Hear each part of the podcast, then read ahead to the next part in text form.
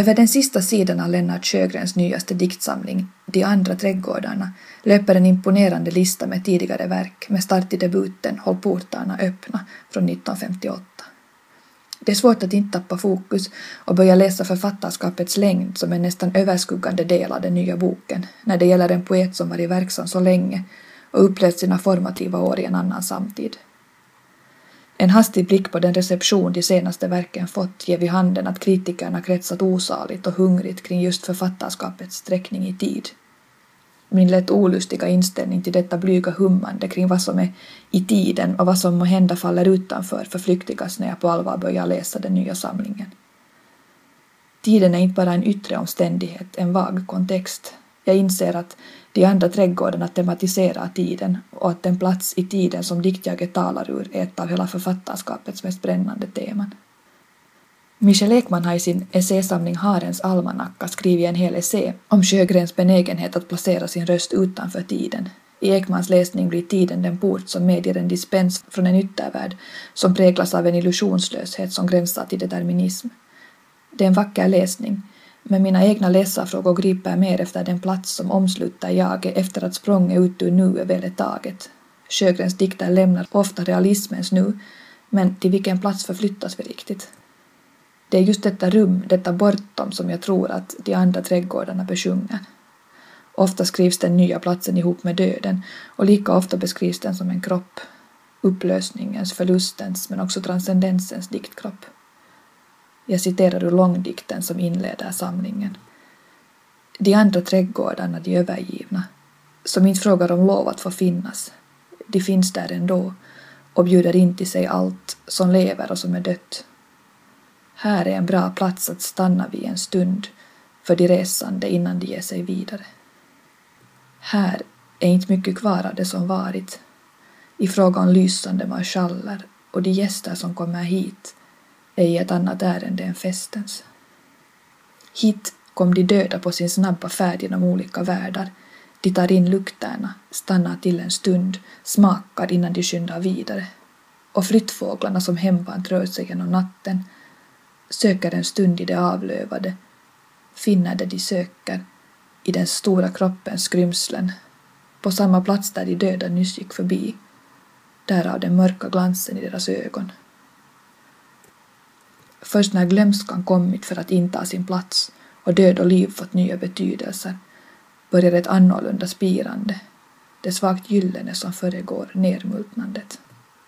Dikten uppvaktar sitt här, ringar in sina trädgårdar, trevar sig fram genom den stora kroppens skrymslen. Döden gör platsen bördig, men också till en undantagsplats utanför det egna livet. Trädgårdens domesticerade natur är inte viktiga, utan förskjutningen står i fokus. Vissa dikter sjunger fram kärr med bråddjup och dödslängtan som man kan lockas att gå ner sig i, medan det andra gånger kan handla om förflutenhetens arkaiska gryningslandskap.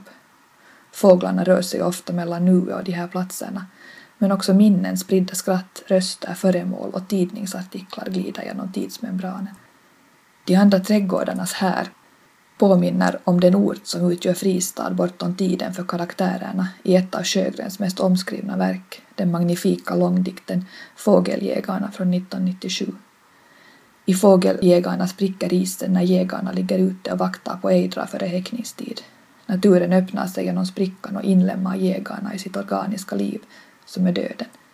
Diktens människor betraktar båten som glider utom räckhåll utan att kunna ta till sig insikten att hemmets trygga vardaglighet inte kommer att välkomna dem till kvällen, att de ska lösas upp, förlora sin personlighet, bli ett med naturen.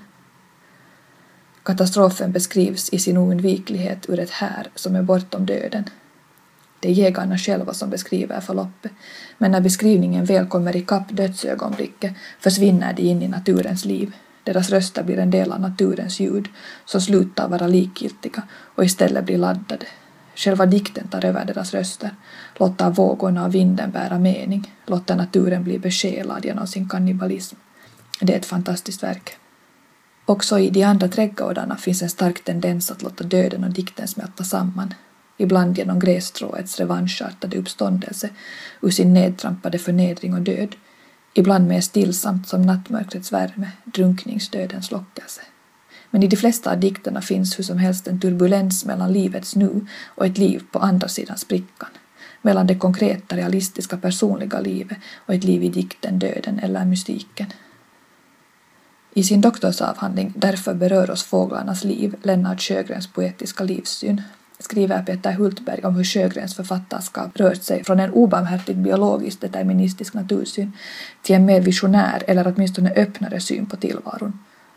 Det är lätt att förstå vad han menar också när man läser de andra trädgårdarna. Särskilt i dikternas avslut utspelas en kamp mellan krass avförtrollning och klassiskt senmodernistiskt lyft.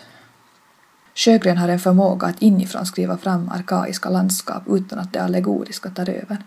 Hans skogar och skärgårdsmiljöer behåller en frän närvaro, en påtaglig fysisk obändighet, trots att de också laddas av betydelser och tradition.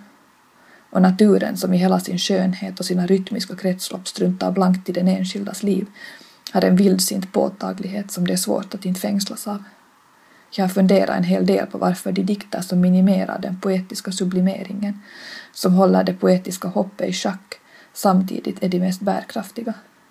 De starkaste dikterna låter poesin flytta ut över världen som maskrosfrön eller en doft i vinden.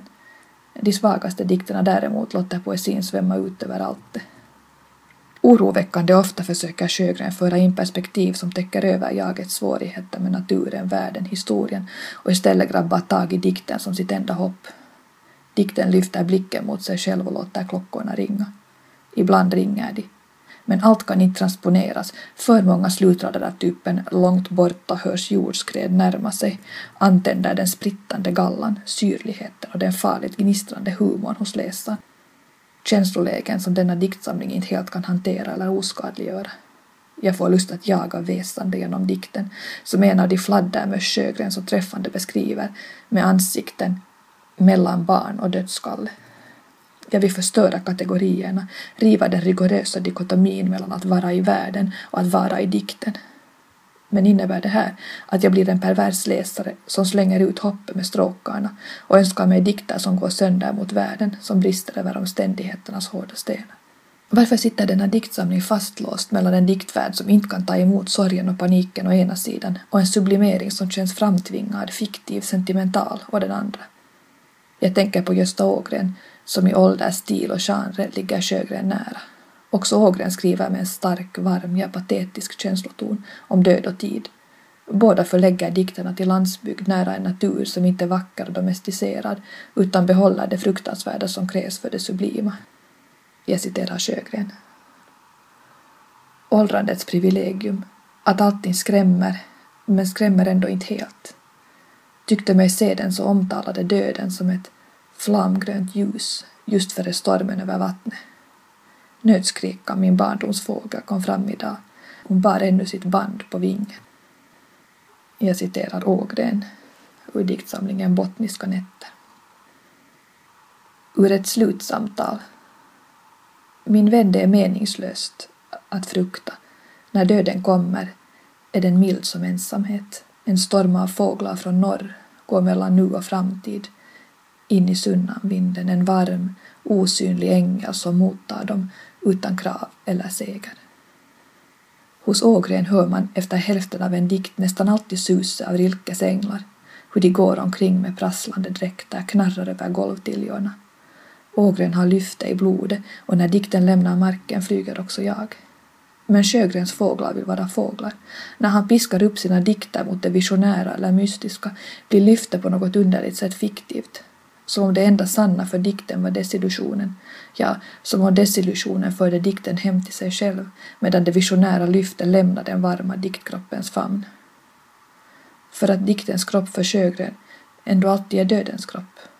För att Sjögrens starkaste poesi föds när jaget löser upp sig i naturen. Det är som om Ågrens dikter hittar hem i bruset, medan Sjögrens diktning lämnar dikten i samma stund som hoppet om dikten som räddning tänds.